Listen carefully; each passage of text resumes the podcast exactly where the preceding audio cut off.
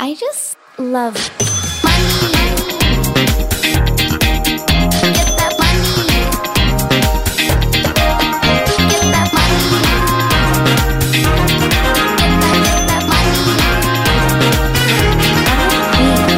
Dagens gjest er ei dame jeg elsker å følge på sosiale medier, og som virker for meg å ha skikkelig bein i nesa. Hun er riktignok ikke en influenser sånn per se, men under egen merkevare Mama Jules så påvirker hun likevel, med både mote og meninger.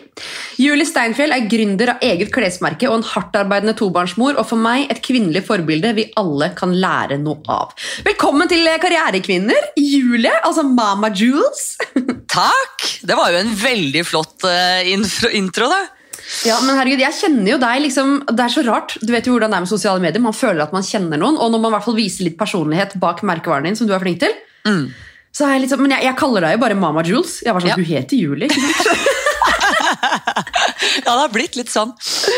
Men eh, herregud, veldig spennende. Altså For de som kanskje ikke følger deg, da, eller vet hvem du er, kan ikke du eh, introdusere Julie? Åh, det, er, eh, det, det er alltid like lett, det. Men sånn veldig sånn eh, kort, eh, kort bio på meg selv, da. Så, så heter jeg Julie Delia Lie Steinfjell, um, og jeg har to barn. eh, Delia på snart seks og Jakob på snart tre. Eh, Jeg er gift med en som heter Nikolai, og mm, jeg har jo en fulltidsjobb som International Client Director, bare for å være fin på det, i Face to Face Creatives. Og så startet jeg jo Mamma Jules i 2019. Så, og der er jeg jo Der gjør jeg jo alt. Ja, ja sånn, sånn er det. Sånn er det. Men eh, det er jo veldig spennende. Altså, du kombinerer jo da en fulltidsjobb med det å drive egen bedrift. Eh, det er jo mye jobb å drive mm. egen bedrift. Det er eh, veldig mye, eller det har blitt veldig mye jobb. Jeg hadde jo egentlig bare tenkt at det skulle være en sånn liten hobby, selge et par kjoler, og så har det blitt veldig stort. Eh, så det er jo mye mer jobb nå enn hva jeg noen gang hadde eh, trodd. Så jeg har jo måttet på en måte eh, ja, legge opp livet mitt deretter. Ja, men altså, Når du sier å legge opp livet ditt deretter, det er jo en 500 %-stilling å være tobarnsmor. og så har du 100% der, og jeg vet ikke hvor mange prosent du vil putte inn i Mama Jules, men hvordan, hvordan får du det til å gå rundt? Nei, Det er et veldig godt spørsmål. Det går jo veldig opp og ned. Da. Det er jo um, noen uker eller måneder det er mer å gjøre med Mama Jules enn andre måneder ved lanseringer og sånne type ting. Um, men det er en sånn god kombinasjon av at jeg har uh, tatt en liten oppvask i forhold til hva er det som er viktig, hva er det jeg vil gjøre, hva er det jeg vil prioritere, hvordan skal jeg bruke tiden min, og hvordan er det jeg skal få det til. Altså bruke kalender, alarmer, sånne type ting flittig. Um, og så er jeg veldig heldig som har en veldig eh, karrierebevisst mann eh, som vet hva det på en måte dreier seg om, sånn at vi klarer å sy sammen livene våre på en god måte og eh, støtte hverandre når det er mye der eller mye her, så, så legger vi til rette i forhold til det. Da. Og det Så hjelper. bra. Mm. Ja, for nå har jeg nettopp spilt inn en episode med ei som heter Iselin Larsen, som er veldig på det her å lytte til sin egen kropp, og når man har mensen, så er det lov å ta en halv dag i senga. altså Hele den pakka der, og så kommer du og bare kalender, alarmer En stor forskjell, men hva slags oppvask eh, tok du? Hva gjorde du i den oppvasken? Eh, nei, men Litt sånn som hun Iselin sier, da. At, eh, for jeg holdt jo på å si opp jobben min i harnisk når jeg da i ettertid fant ut at eh, du var bare premenstruell.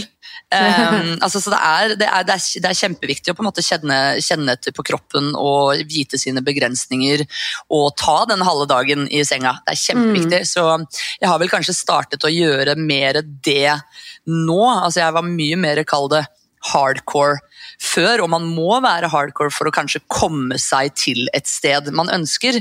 Um, men nå føler jeg at jeg er i en posisjon Det er nesten litt sånn eh, som noen drømmer om å, å pensjonere seg i en alder av 50.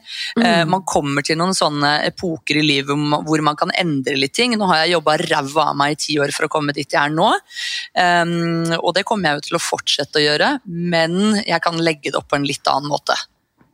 Ja, herregud. Veldig inspirerende, men er det sånn at du liksom En ting er jo å ta den oppvaska med seg sjøl, veldig gøy det du sier med PMS, at du holdt på å si opp jobben din pga. Ja, det det. var krise. Mm. Altså, Det er så flaut. Man skal jo liksom ikke skamme seg over det, men noen ganger så tenker jeg sånn for menn da, som ikke kan sette seg inn i det her i det hele tatt, og så kommer vi og bare «Ah!» Akkurat sånn. Altså, det var, jeg gikk inn på kontoret der og hadde et par samtaler hvor jeg bare strena fram og tilbake på gårdsplassen. Og bare 'du skjønner ikke', ble, ble, ble. Blir dårlig behandla. Og så bare to dager etterpå eller noe sånt, så bare Å, faen. Bare det der kom ikke helt fra rett sted. Ja, det er rart. Altså, Eier du det da? Sier du hva som skjedde? Eller er det liksom sånn «Hm, Ja, ja, men det gjør jeg. Jeg er kjempeflink på å si unnskyld. Um, og, og kjempeflink på liksom altså, Jeg føler at en av mine styrker er at jeg har veldig god selvinnsikt. Ja. Uh, så jeg tar meg selv på ting og bare Du, vet hva? Beklager, det der kom fra et helt annet sted. Og det er jo eh, Altså, mitt yrke eh, eh, innenfor salg er jo veldig mannsdominert, så jeg føler at man har et lite ansvar som kvinne å ta dem litt med inn i hva som skjer, da. Og da må man jo også være, eh, kall det ydmyk, eller man må i hvert fall fortelle litt. Oi, det der var pga. det eller det, men hvis jeg slår i bordet, så trenger ikke det å bety at jeg er premenstruell en annen gang. Nei, for det, det er viktig når man jobber i den der mannsdominerte greia der. Ja, herregud, Mm. De kan jo ikke bare skylde alt på mensen. Sånn, ja, men hun mener ikke, hun mener ikke det i morgen, liksom. Åh, da hadde det klikka for meg hvis noen hadde brukt det mot meg senere. Ja, ja, det går jo ikke, ikke sant? Så man må liksom bare prate om det. Men hva er det du gjør i denne andre jobben? Du jobber med salg? Ja, eller jeg har eh, Jeg startet der i 2010 og um, har vel egentlig jobbet meg fra å være promotør til teamleder, altså tatt den der eh, stigen, for jeg har jo ikke noe utdannelse, så jeg måtte jo bare starte et sted, og da er salg et veldig fint sted å starte, eh, føler jeg, og, mm, og har på en måte uh, ja, gjort karrieren min uh, der. Så um, nå, før jeg byttet jobb i sommer, så jobbet jeg som head of film marketing, og da var det egentlig bare å ha ansvaret for alt som har med salg å gjøre. Um, og så nå så jobber jeg som International Client Director. Jeg hater egentlig å si International Client Director, men det er nå i hvert fall tittelen. det? høres så, ja, det høres så veldig sånn her eh, Mr. Worldwide eh, ut. Eh, Men, men nå jobber jeg mot kundene, sånn at det er mitt ansvar å få inn kundene som vi skal jobbe med, både i, i Norge og de fem andre landene vi jobber i. da. Mm, Og forhåpentligvis flere land, men skjønner. Mm. Men uh, er planen din og Jeg bare spør rett ut, jeg håper ikke sjefen hører på det, men er planen, er planen at Mama Jules skal uh, på sikt bli liksom fulltidsjobben? Å, ja, altså det uh, det, det er så vanskelig å på en måte drømme dit, eh, selv om det har gått veldig fort eh, og det har blitt så stort som det har blitt allerede, så, så, mm, så kan jeg jo si at det er jo det. Men jeg liker å holde på sånn som jeg gjør nå. Jeg liker å, å ha ett ben i forskjellige leire, holdt jeg på å si, og gjøre litt um, forskjellige ting. Og den jobben som jeg gjør ut mot kundene og sånne type ting gjennom face to face, det er, eh, det er liksom også drømmejobben. Så det er veldig, veldig vanskelig å si. Mm. Ja, jeg kjenner meg veldig godt igjen i det. Ikke nødvendigvis å ikke si opp jobben sin, for der var jeg veldig klar. Men Ja. eh, ja, for eksempel da, at man har sånn som jeg har jo, jeg driver litt med klær, og så er det litt med sminke, lanserer litt det, og så nå er det bok, og så er det influencer, og så er det equal agency. Altså, jeg kunne ikke bare gjort én av tinga. Nei. Så jeg kjenner meg veldig eh, igjen i eh, den greia der. Men eh, du sier at du ikke har noen utdanning. Um, Og som du sier, salg er jo den geniale måten å jobbe seg oppover på. Eh, og når du der blei mamma, var det da denne tanken om Mama Jules kom? Var det noe du mm, følte at du mangla, eller hvordan kom denne ideen? Eh, Det var eh, første gangen med Delia hvor altså, jeg hadde sett for meg noe helt annet. Altså, du vet det der du ser i sosiale medier med glød, en liten sånn der bump på magen og penselskirt og høye hæler og trippe bortover. og tutu, ikke sant? Jeg hadde sett for meg det, for det var liksom stilen min eh, før. Um, så, og jeg la jo på meg 36 kilo, som for meg som alltid har vært ganske slank, det var, det var mye. Det var omveltende. ikke sant? Så når jeg ble møtt med striper og prikker og ankere og Mikke Mus, så bare ah, Hva er det som skjer? Så, så og, og, og det å føle på at man For det er jo masse som endrer seg. Jeg var jo ekstremt inne i karriere og tenkte bare hvordan er det jeg skal gjøre dette når skal jeg være i permisjon? Og den permisjonen ble jo selvfølgelig ikke noe av, ikke sant? fordi du eh, er så inne i det der karrieregreiene. Um, så det å føle på at man kanskje mister litt grep om sin egen karriere, ting stopper opp, du skal plutselig være mamma, eh, og alt mulig som kommer med det. Og i tillegg så skal du kle deg i stygge ting. Ikke sant? Og bare, jeg, jeg kjenner meg ikke igjen i det hele tatt i dette her, så det ble, det ble veldig vanskelig for meg. Så um, begynte jeg jo å gå i de i de kjolene som jeg, eh, som jeg til vanlig eh, gikk med når jeg amma. Ikke sant? Jeg prøvde så godt jeg kunne bare komme tilbake der hvor jeg var og slippe å gå med tunika og tights. Mm. Um, og da måtte jeg jo inn på toalettet og glide ned og sitte og amme. ikke sant? Um, så da, og hver gang så gjorde jeg en sånn bevegelse som var langs med skuldrene. bare Hvorfor kan man ikke bare dra ned altså liksom, og gjøre det enkelt? Og det var der på en måte ideen ble, eller designideen ble født. da. Mm.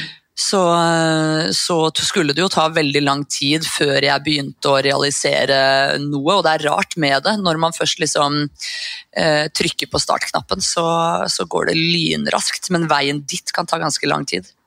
Ja, det er noe med å tørre å hoppe ut i det. Men du sier at Mama Jules eh, kom i 2019. Mm. Var det etter at sistemann var født? Ja, det var, eh, det var, rett etterpå, faktisk. Um, mm. Jobba du med det. under svangerskapet, eller hva? Mm. Hvordan fordelte du det her? Ja. Den klassiske karriereendringen i, i barseltiden. ja, ja, alle gjør jo det. Fantastisk. Men man, da har man jo litt tid, ikke sant. Så, mm. så, men det skulle jo da ta tre år, da. Eh, med at ideen bare surra opp i hodet mitt eh, til, jeg, til jeg fant en som kunne hjelpe meg å sy en prototype.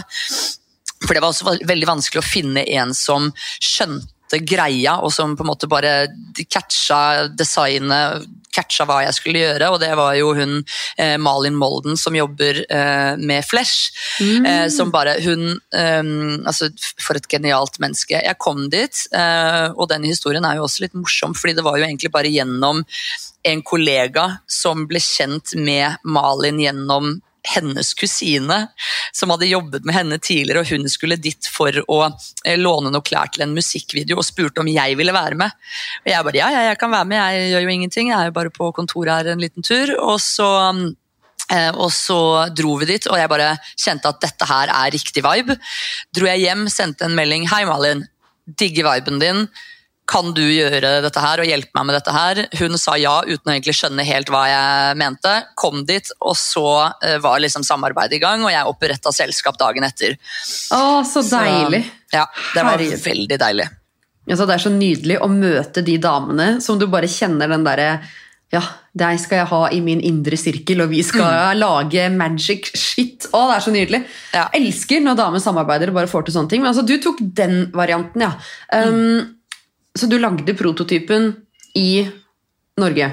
Er mm. alt, altså, hvor er det du produserer? Hvordan, hvordan, er hele den prosessen? Hvis du tenker at det sitter mange her da, som lurer på hvordan startet eget klesmerke. Eh, vi har jo hatt en liten fot innafor det her før, mm. eh, med meg og Donna som gjest i vår egen podkast. Eh, mm. Det kommer mer Vi skal spille inn en egen podkast om vår egen kolleksjon. men man gjør det på forskjellige måter.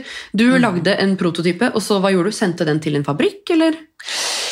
Nei, altså jeg øh, ante Altså jeg kom jo ikke fra denne bransjen i det hele tatt og visste ikke Og det er jo derfor ting også tar så lang tid, for du vet jo ikke hvor du skal starte. ikke sant? Mm. Så, men øh, tilfeldigvis så kjente Malin en som heter Anne, som jobber Hun er øh, norsk og jobber i Norge og har vært i, i liksom tekstil- og bransjen lenge. Og hun har startet en fabrikk i Litauen så jeg tok et møte med henne, tok med meg, tok med meg eh, den samplen som vi lagde. Eller vi lagde jo sju og sokker sokker og sko og tåteflasker. Og, altså, vi lagde så mye greier. Det tok jo helt av. Men, men, tok med den til henne og sa at denne her vil jeg masseprodusere. Mm. Eh, og sørge for at det er bærekraftig og, og, etisk og alt som har med det å gjøre. For du kan ikke starte et klesmerke i dag og ikke ha fokus på det. Det hadde bare vært eh, altfor harry. Eh, på en måte. Ja, 100% Og vet du hva, det der, Jeg må bare skyte inn mens vi, mens vi faktisk snakker om det der. Fytti rakkeren. Mm. Jeg kjenner bare at jeg blir så irritert, for jeg har jo også sluppet en kleskolleksjon. Selvfølgelig produsert i Europa. Det er eh, ordentlige damer som driver eh, sjappa. De jobber åtte til fire. Mat på bordet, tjener bra, det er miljøvennlig, etisk, altså hele pakka. Og så får man den der 'Ja, men du, for to år siden så reklamerte du for Jeg bare, men for faen. Ja. Jeg, bare sånn, jeg trenger ikke å prøve å redde verden, selv om mitt eget merke selvfølgelig skal være et steg i riktig retning. liksom. Jeg, bare, jeg måtte bare skyte inn det til alle de Åh, jeg blir så sur. Ja, men vet du hva, jeg må bare skyte inn at jeg, altså jeg beundrer deg og andre influensere for så altså de, Dere kan jo aldri trå eh, riktig. Altså det er sånn der, Uansett hva som skjer, så bare bæ, bæ, bæ, bæ, bæ, bæ, bæ. Å, fy faen. Må være jævlig slitsomt. Ja, det gjelder jo oss alle. Det er ingen som er feilfrie. Skal, åh, nei, Vi skal snakke mer om mammapoliti og nettråd etterpå, men jeg blir bare sånn Altså, Hadde det vært bedre, da, bare fordi jeg liksom Ja, stemmer det, jeg har hatt et samarbeid med Naked og Shekel eller hva enn det skulle vært. Da, så bare, nei men, nei, men siden jeg har gjort det, så produserer jeg klærne mine i Bangladesh. jeg. Ja. Ja. ja. Da er det ikke så farlig, da. Ja. er liksom, Og jeg, kan, og jeg kan aldri endre tankesett, ja, fordi jeg sa det for fem år siden. Nei, nei, Eh, herregud, så det går jo ikke an. Nei, men ok, kult, så du fikk denne her masseprodusert i eh, Litauen? Ja, eller masseprodusert og masseprodusert. Jeg husker jo når jeg satt der og på en måte venta på det første salget og liksom eh, satt og refresha og refresha, eh, og så kom jo det. Eh, men det er jo en vanvittig dyr måte å produsere på. Ja. Så jeg vet jo at Og, folk, er, folk er prissensitive, det vet man jo sjøl også, så, så målet mitt er er å, er å kunne produsere enda rimeligere for å på en måte presse prisene ned, men fortsatt klare å gjøre det på en bærekraftig og fin måte. Um, så, så det var jo, altså det, det begrenset seg jo i forhold, til, eh, i forhold til det i oppstarten, men så var det jo noe som skjedde, og jeg har jo brukt mye, mye sosiale medier og, og vil på en måte vise folk litt, som du sa, sa tidligere, vise liksom folk litt hva som ligger bak, da, både på godt og vondt og personlig og alt hva det måtte være. Så med den medfarten så kan jeg jo si at det har blitt en litt mer masseproduksjon uh, nå, som er veldig morsom, da. Mm. Herregud, fantastisk. Men uh, har du da bare brukt dine egne sosiale medier som markedsføringskanal? Har du hatt noe kalde, altså kald markedsføring, ads? Hvordan har du markedsført deg selv? Altså for det første, Hvor kom navnet Mama Jules fra? Hadde du det før du det hele tatt produserte den første kjolen? Altså Hele Ja. oppbygginga av markevern, hvordan var den? Um, jeg husker at jeg satt med en uh, venninne som heter Karin, som er min gode kollega, eh, og drodla litt på, på navn på en kafé i, på Grünerløkka. Og da husker jeg vi snakket om to ting. Det var hva skal dette hete, og hvor Hvorfor gjør du dette her? Um, og da var, eh, da var på en måte svaret på det siste at jeg skal gjøre dette her fordi det er gøy.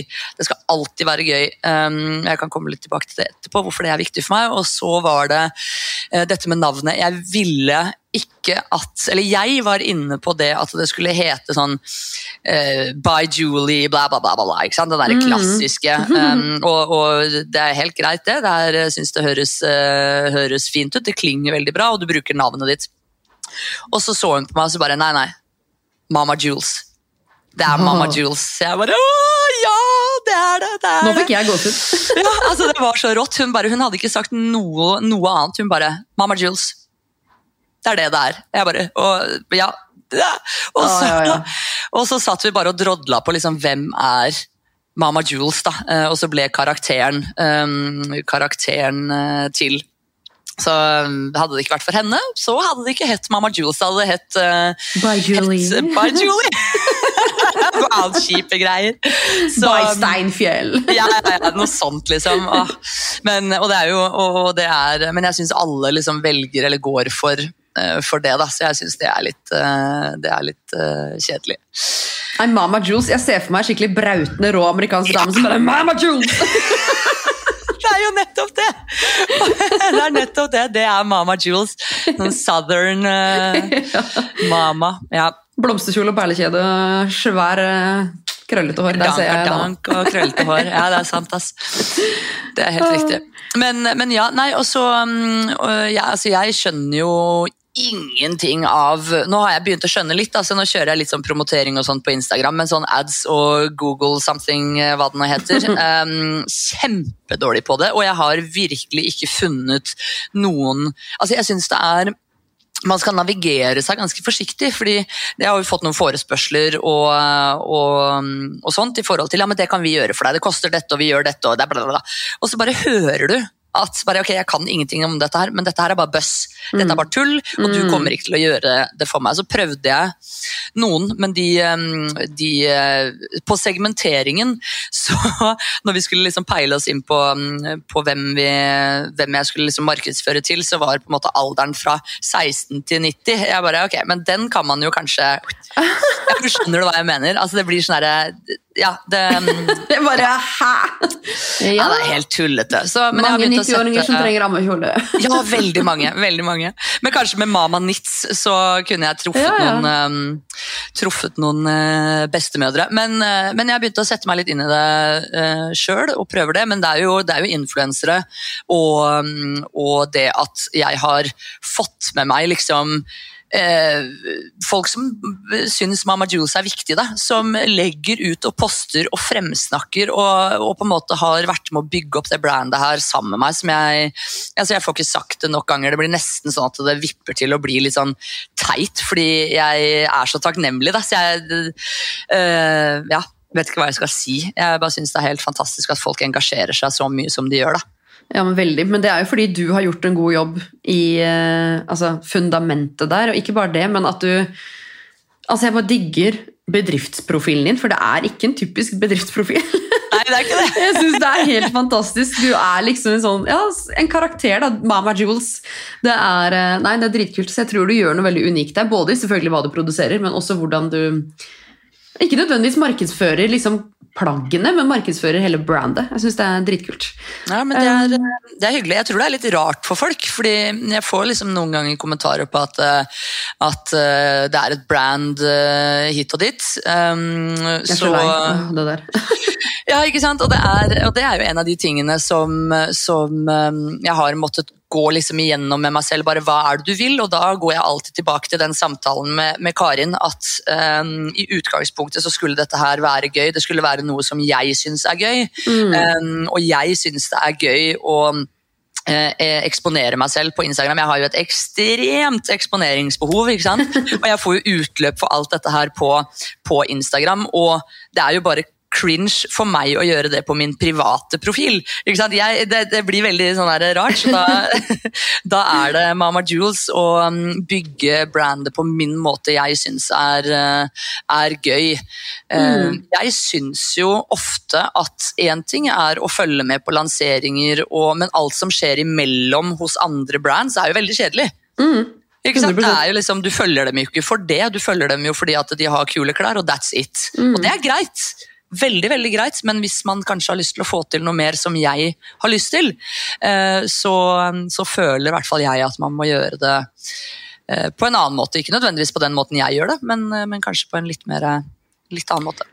Ja, men jeg tror Uansett hva man skal drive med, så er det jo viktig at det er autentisk og true to yourself. Jeg er så drittlei av å høre den der. Hvis jeg liksom bitcher litt på Story, da, hvis jeg har en dårlig dag, og bare så kommer folk og bare Nå skader du merkevernet din. Hvem skal kjøpe joggedress av deg når du er så sur og negativ? Å, herregud! Ja. Ja, det- Å, fy faen, la meg være. Ja, ikke sant? Men, er, men ja, det er en, alle har sin oppfatning, og jeg syns jo det er eh, jo det er veldig fint med de menneskene som, som tar seg tiden til å sende meldinger, uansett om det er av positiv eller negativ karakter, fordi da kan man navigere seg litt rundt det.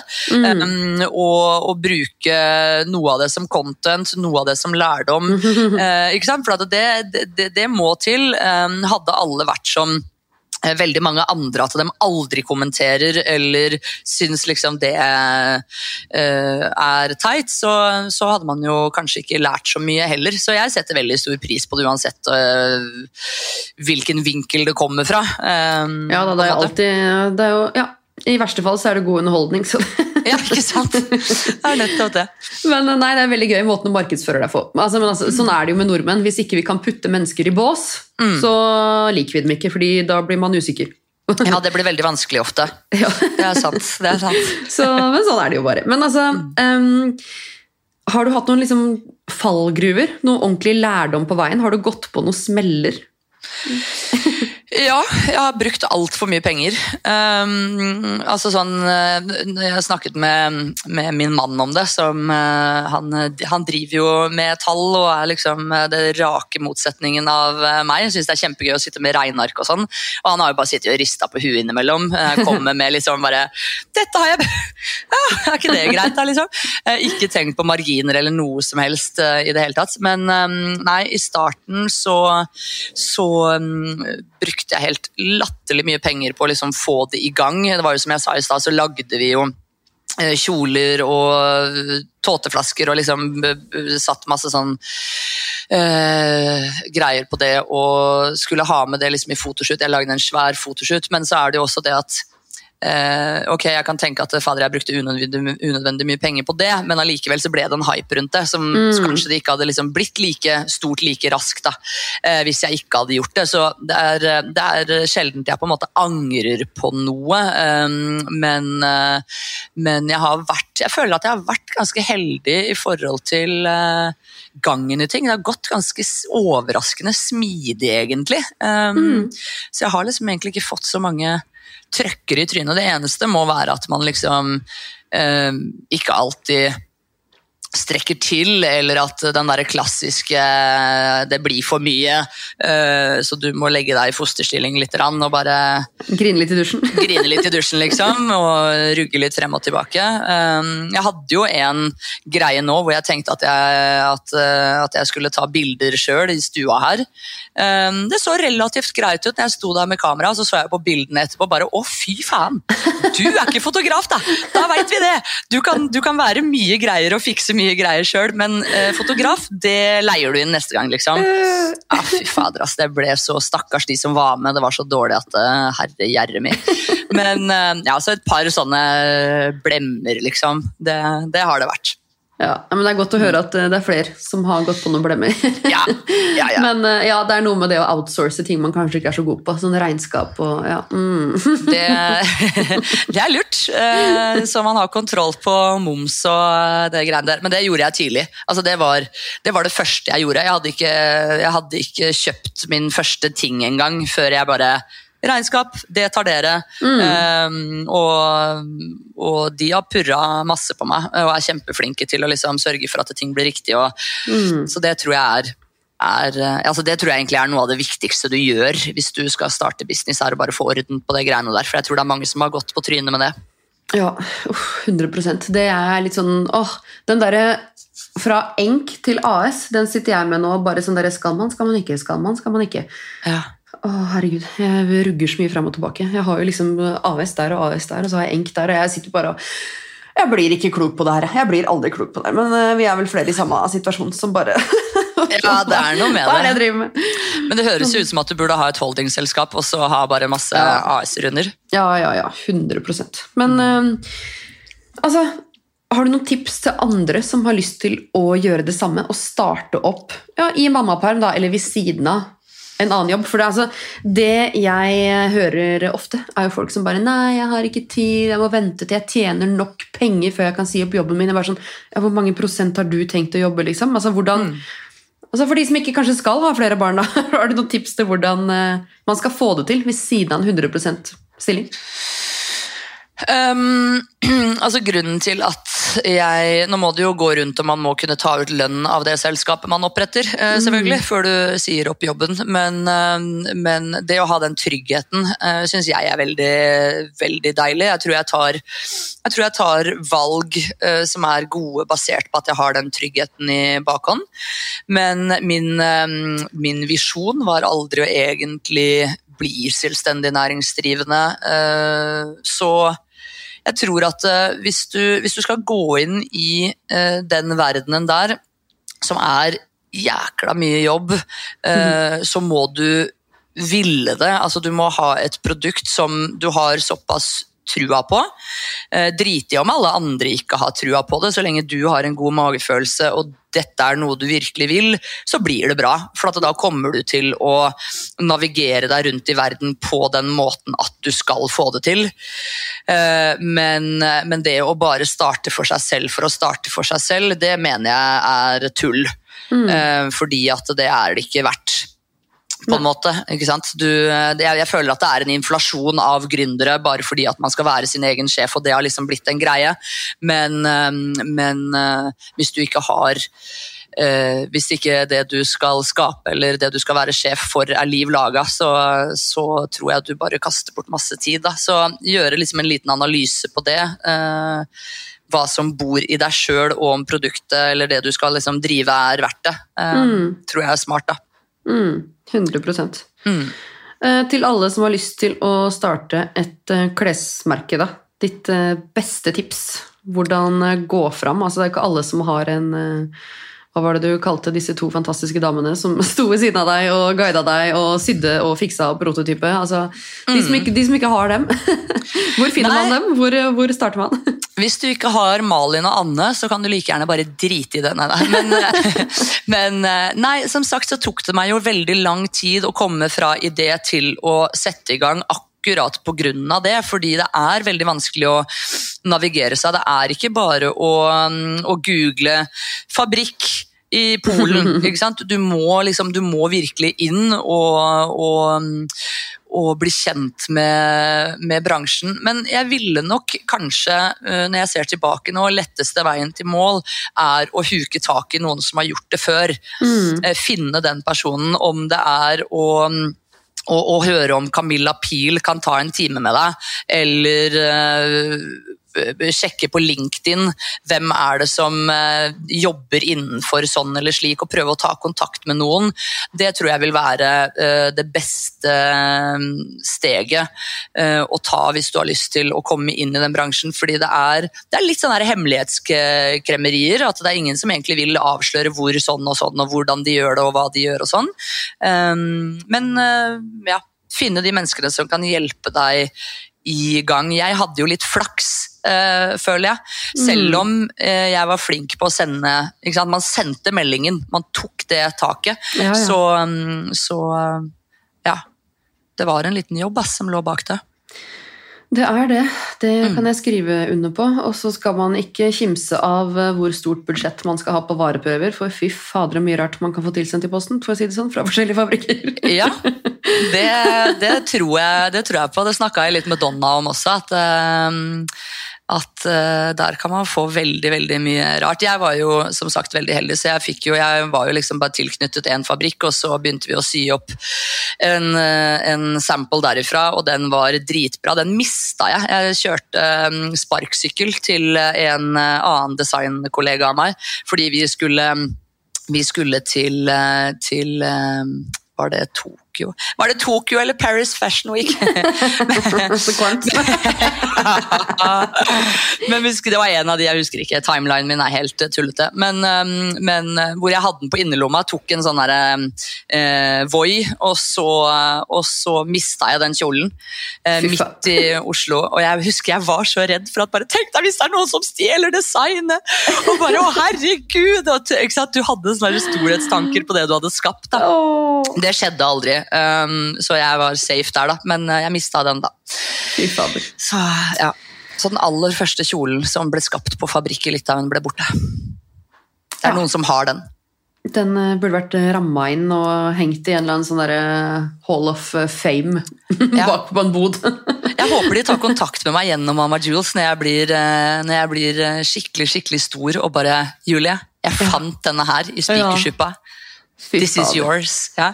Jeg har rammet den inn for deg. Det var dritfett. Jeg hadde det. Men uh, vi må jo eh, litt tilbake til det du sa med at det skal være gøy. Mm. Eh, jeg, jeg skjønner jo at det er viktig, men jeg tror også det er veldig mange gründere som hopper ut i noe som ikke er gøy, bare fordi de tenker at her er det profitt. Um, Hvordan skal man liksom kunne balansere det med at det er gøy, men samtidig tjene penger på det? Og, Hvorfor er det så viktig for deg? Da? Hvorfor skal det være viktig? Nei, altså jeg tjener jo ikke penger på dette her. Så da, så Da må det være gøy. Da må det være jævlig gøy. Men eh, nei, altså det er jo eh, Jeg tror man også tenker litt feil på det. At eh, det handler ikke om at For det er ikke lanseringer hver uke og lanseringsfester og møter med kule influensere hver dag. Man må synes at det man skaper er gøy, for da synes man også at drittjobben er gøy. Um, men, eh, men eh, det å liksom overall bare synes at det er gøy å skape ting og se hva man kan få til, det, det må Eller i hvert fall for meg så er det, så er det kjempeviktig. Og, og det er ikke alltid det er gøy. Um, Det er mange ganger jeg har tenkt at nei, vet du hva, nå gidder jeg ikke dette her mer, fordi det koster mer enn det smaker. Mm. Og det er jo noe med at når man kommer til et visst punkt, sånn som nå, så har jeg jo tenkt mer på hvordan er det jeg kan eh, få dette her til å være skalerbart. Hvordan er det jeg kan begynne å faktisk tjene penger? For jeg har virkelig ikke tenkt at fra starten at jeg skal tjene så sjukt mye penger. Det er ikke så viktig for meg. Men for at det skal komme, eller gå videre, og for at det skal bli så stort som jeg ser at det har et potensial til å bli, så må man på en måte begynne å tenke litt mer økonomisk, da. Og, mm. og på en måte synes at det er eh, gøy også. Ja, det er jo vanskelig, da. Det er jo noe som heter kalkyler, og det å legge på da, hva Ok, én ting er jo hva fabrikken skal ha, og så har du toll og moms og frakt og hele den pakka her, og så skal du jo gjerne sitte igjen med en liten slant sjøl, og så skal du betale regnskapsfører, du skal betale for å drifte nettbutikken, du skal kanskje betale litt for markedsføring, og det å legge inn de kalkylene, og når det er produsert etisk i Europa, uten slavedrift, så koster det jækla mye penger å få det i det hele tatt inn til Norge. Uh, Så jeg husker ja. det sjøl med joggedressen min. Folk bare 'fy faen, 900 kroner for en genser'! Jeg bare ja, det er på en måte det du betaler da, for at det ikke skal sitte en sjuåring og sulte mens de syr genseren din. liksom. Mm. Så kan man jo håpe da at nordmenn snart blir modne for det, um, men da tror jeg man rett og slett bare må ja, bare starte da, og bare, vet du hva, det koster 3000 kroner. Sånn er det liksom. hvis du skal ha, Det koster litt penger for god samvittighet, og du kan ha den mye lenger. Mm. Så det å tørre å ja, kalkulere seg opp og ta inn en egen lønn og stole på at et design er verdt den prisen, det, det tror jeg er viktig. Og så er det noe med det da, når du først har sluppet en kolleksjon, altså jeg kjenner meg igjen der, så er det litt sånn Ja, skulle jeg doble prisen på det nå? Hvordan skal det gå? Hvordan skal folk ta imot det? Da må jeg vente fem år da, før jeg slipper noe nytt, liksom? Ja, da blir det dårlig stemning. Det blir det. Ja. Så, nei, men eh, det er vanskelig. Det er mye man skal tenke på. Men uh, alt er skalerbart. Man må bare stole på at uh, ja, det er design. Men eh, det hadde kanskje vært lettere hvis det hadde vært noe by Julie, by Timo, by Da er det bare å slenge på en null. Da er det bare å slenge på en null, vet du. Neida.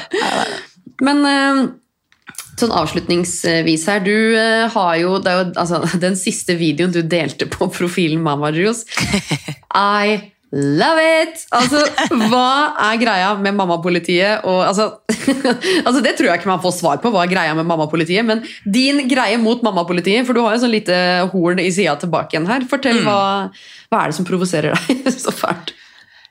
Nei, altså, hvor skal jeg begynne? Jeg vet ikke. Jeg bare blir Altså, jeg blir så gæren av mennesker som skal bry seg så mye om hva andre mennesker gjør. Altså, Én ting er hvis du gjør noe ulovlig eller noe som liksom direkte er ugreit. Sant? By all means, uh, si ifra. Um, men, men eh, det å eh, holde på sånn som Nå er det jo eh, rundt omtalt som mammapolitiet, hvor man skal være direkte ufin og slem. og ikke få, altså Det jeg opplever, er at mammapolitiet mangler kontekst. Ikke sant? Det er bare Å, jeg fikk med meg Du har, bare, du har lagt ut eh, 50 stories eh, det siste døgnet.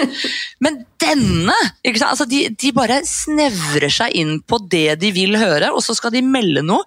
Og så er det ofte liksom direkte personangrep på at du er en dårlig mor, eller hva det enn måtte være. Og jeg husker jeg var inne på mm, eh, tidlig i, i min graviditet med Delia, tilbake i 2015.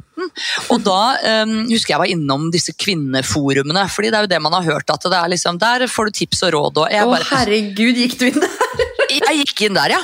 Og inn Frivillig? i satan Frivillig, ja! Det var ingen som eh, satt og, og, og liksom pusha meg til det. Og det tror jeg gjelder vanvittig mange. At de faktisk går inn og bruker disse uh, mammagruppene og kvinneforumene som liksom en kilde til informasjon.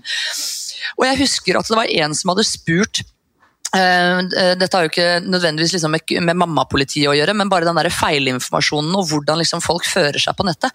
Um, hvor det var en som hadde spurt sånn Jeg bare lurer på hvor mange liksom sånn etter Jeg, forestiller meg at hun har sånn stemme. Sånn etter sek, nei, etter graviditet og fødsel og liksom Hvor fort er det folk har sex igjen? Og da var det liksom helt normale svar, og så plutselig kom det! Nei, jeg, jeg har etter fire uker, selv om ikke det var anbefalt, og jeg hadde vi har sex hver dag, og ba, ba, ba. Og det eneste hun klarte å liksom se, var bare Oi, oi, det var mye! Burde jeg altså, ikke sant? Bare hang seg liksom opp i det uriktige løgnaktige svaret. For det er jo hvis Det var noen der som svarte sånn Jeg har sex én gang om dagen og to ganger om dagen. og sånn, så bare Jobber du som prostituert? Altså, Det var liksom det neste svaret måtte bli. Da. Ikke sant?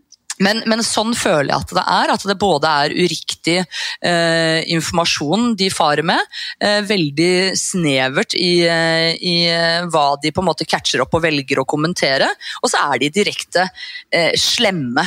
Altså Vi er nok usikre som vi er, om vi ikke skal ha eh, det blikket på oss, eller få den kommentaren i kommentarfeltet vårt, eller hva det enn måtte være. Så jeg må bare oppriktig altså jeg bare, hvis du, Og de kjenner jo ikke seg igjen i det Nei, hele tatt, så det er sikkert flere som hører den podkasten her som bare ja, fy faen! Hater politiet! og så er de mammapolitiet sjøl, liksom! Og det er jo helt sykt. Nei, men altså, jeg har sikkert sett litt snett på noen som har hatt et pledd over vogna si, eller altså sånn herre Å, herregud, hva er det du driver med sjøl? Men jeg tyr ikke til et kommentarfelt, og jeg ehm, eh, skriker ikke ut at folk er dårlige mødre, eller eh, Folk må få lov til å velge sjøl og, og finne ut av hva som passer inn i dems liv i forhold til hvordan de vil håndtere foreldrerollen. Og det er ingen som har en fasit, eh, eller noen som vet eksakt hvordan man burde eller skal gjøre ting. Så vi må bare backe unna og holde kjeft og holde på med vårt. Det er liksom eh, mitt klare budskap, da. Mm. Ja, jeg skjønner liksom ikke at det, at det der skal være en så stor sak. Det der med at nå må regjeringa innføre lover på hva foreldre skal gjøre med barna sine. Eksempelvis da, eksponering av barnet, den debatten der. Jeg, bare sånn, jeg orker ikke å starte den debatten der engang. Sånn, Det er ingen som har en fasit. Vi har ikke gjort det her før. Det er ingen som vet noen ting. Og ja, man har liksom eh, ja, FNs barne... Ja, altså, det er, det er mye greier. Men jeg er bare, jeg er bare så drittlei. Sånn, ja vel, men du tar et valg om det, og så er det greit. Og så kan jeg ta mitt valg, og så får det være greit. Og så er det fint at vi har informasjon, sånn at vi vet hva vi baserer valget vårt på. Men det derre det der jævla hatet. altså Jeg fatter ikke at folk har så mye sinne inni seg og må pushe det ut på andre mennesker. Jeg, oh. Nei, jeg syns det er helt eh, merkelig. Og er det ikke merkelig at uh, altså, hvis man begynner å jobbe på McDonald's, så får man opplæring i hvordan man skal eh, fikse pommes frites og fylle opp brus, og, men når du får barn, så bare Ja. Vær så god! Så det er liksom, la, la hver enkelt bare finne ut av det på, um, på egen hånd. Og hvis man gjør litt feil, og sånn, så, så er det greit. Og hvis, altså, jeg tar gjerne imot et velmenende tips, jeg. Men, ikke, men ikke capital letter utropstegn det til meg. Nei. Det oh, digger jeg ikke. Nei. Mm. De meldingene åpner jeg faktisk ikke engang. De får ligge og blomstre i annet-innboksen og blir aldri lest. Så Ja, nei, men det, det er Men? Også, også, det syns jeg også er litt interessant, for jeg husker jeg fikk min uh, første melding på Mama Jewel, som var av uh, en litt sånn kjip uh, karakter. Og jeg kjente at at det liksom det, det, det, det brusa inni meg på en sånn måte at jeg blei skikkelig lei meg og satt ut og, og gikk rett inn i det derre Er det flere som syns det er det? Ikke sant? Og liksom angrep meg selv. Nå, har jeg jo, nå får jo jeg heldigvis ikke så, så mye, eh, faktisk, som jeg syns er helt fantastisk, men noe får jeg jo, og man blir, som du sier da, litt mer sånn Eh, Men jeg har snakka med med flere som, som jeg føler er ganske tøffe som står i det. Eh, sånn som Nikoline Anundsen og Tone Damli og sånn. Som eh, altså bare, bare det at Tone drikker en eh, Cola Zero på, på sosiale medier, så får hun liksom 100 meldinger på faen, du er en dårlig mor. Ikke sant? Hva skjer med det? Det er så Det er så sykt. Ja, det er helt sykt. Det er helt sykt. Men sånn er det. Sånn er det. Og derfor så må man harselere med dem. Mm. Uh, og jeg syns jo det var vanvittig morsomt at uh, folk synes den videoen var morsom. For jeg satt jo bare i bilen på vei opp til, til uh, Hafjell og bare tenkte at ja, neimen kanskje jeg skal lage en liten lita snutt. Eh, og den lagde jeg jo rett Jeg kom på hotellet der, og, og så skulle vi starte workshopen, så den tror jeg lagde liksom på 20 minutter. Så lavterskel og og ålreit, og da funker det. Da kan jeg lage Ja, ja, mange sånne videoer, for jeg er jo verken skuespiller eller redigerer eller noe som helst, men veldig gøy å lage noe som folk eh, kjenner seg igjen i. Nei, det var dritgøy. Det var Ja. fantastisk bra. Jeg vet ikke hvor mange som sendte meg den videoen i det med bare 'Denne må du se!' For jeg har jo hersa litt med disse Karens. Jeg, jo. jeg bare 'Jeg har allerede sett den!' Ja, det er bra. Det er veldig gøy. Så det kommer nok, det kommer nok en og to og tre til, tenker jeg. Om, eh, jeg har et par ideer. Dritkult. Mm. Men eh, Julie, veien videre? What's the plan? Uff, um, ja, what's the plan? Jeg tror jeg bare skal uh, fortsette sånn som jeg gjør uh, nå. Nå har jeg veldig, så, sånn veldig balansert forhold til ting, hvor jeg føler at jeg får tid til hovedjobben min, Mama Jules, mann, barn, ha det litt gøy, sove, strikke og lese. Ikke sant? Altså, du har, jeg har dannet meg en sånn liten uh, hub. Uh, ja, bare, så- Hvor faen er de timene til strikking og lesing? ja, Hvor det. finner jeg de? Multitasking er, er min styrke. Nei, men, um, men, uh, nei, men jeg har en sånn god balanse som jeg skal fortsette med, og det er ganske mye gøy som skjer med uh, Mama Jules, uh, som jeg syns er stas, som er på en måte et sånn bevis på at, uh, at man kan skalere det opp og ta det et steg lenger. Jeg vet ikke, skal jeg røpe Jeg kan røpe der, men jeg trenger ikke å si hvor. Men vi har, jeg har solgt til min første butikk. Ja, så det er Det er litt stas. Å, Ja, milepæl! Gratulerer! takk. Nei, det er kjempe Det er, det er kjempegøy. Um, så jeg håper at det blir mer av, uh, av det. Um, Herregud, så stas. Mm, det er det. Så nei, men bare fortsette med, med sånne ting. Mm. Se hvor langt man kan ta ting, er egentlig min sånn hoved, hovedvisjon. er bare å se hvor langt jeg kan eh, dra det med mine hender og mitt hode. Ja, det er kjempekult.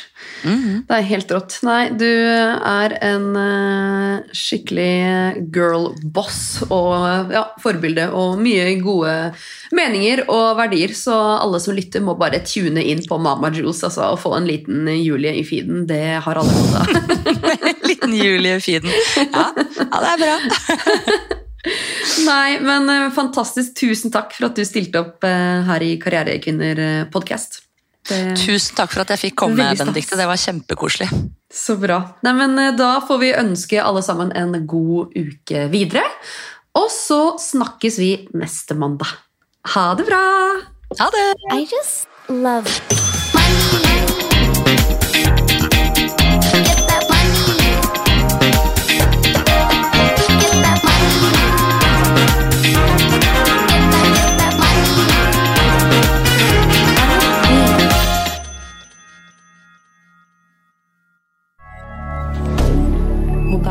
Media.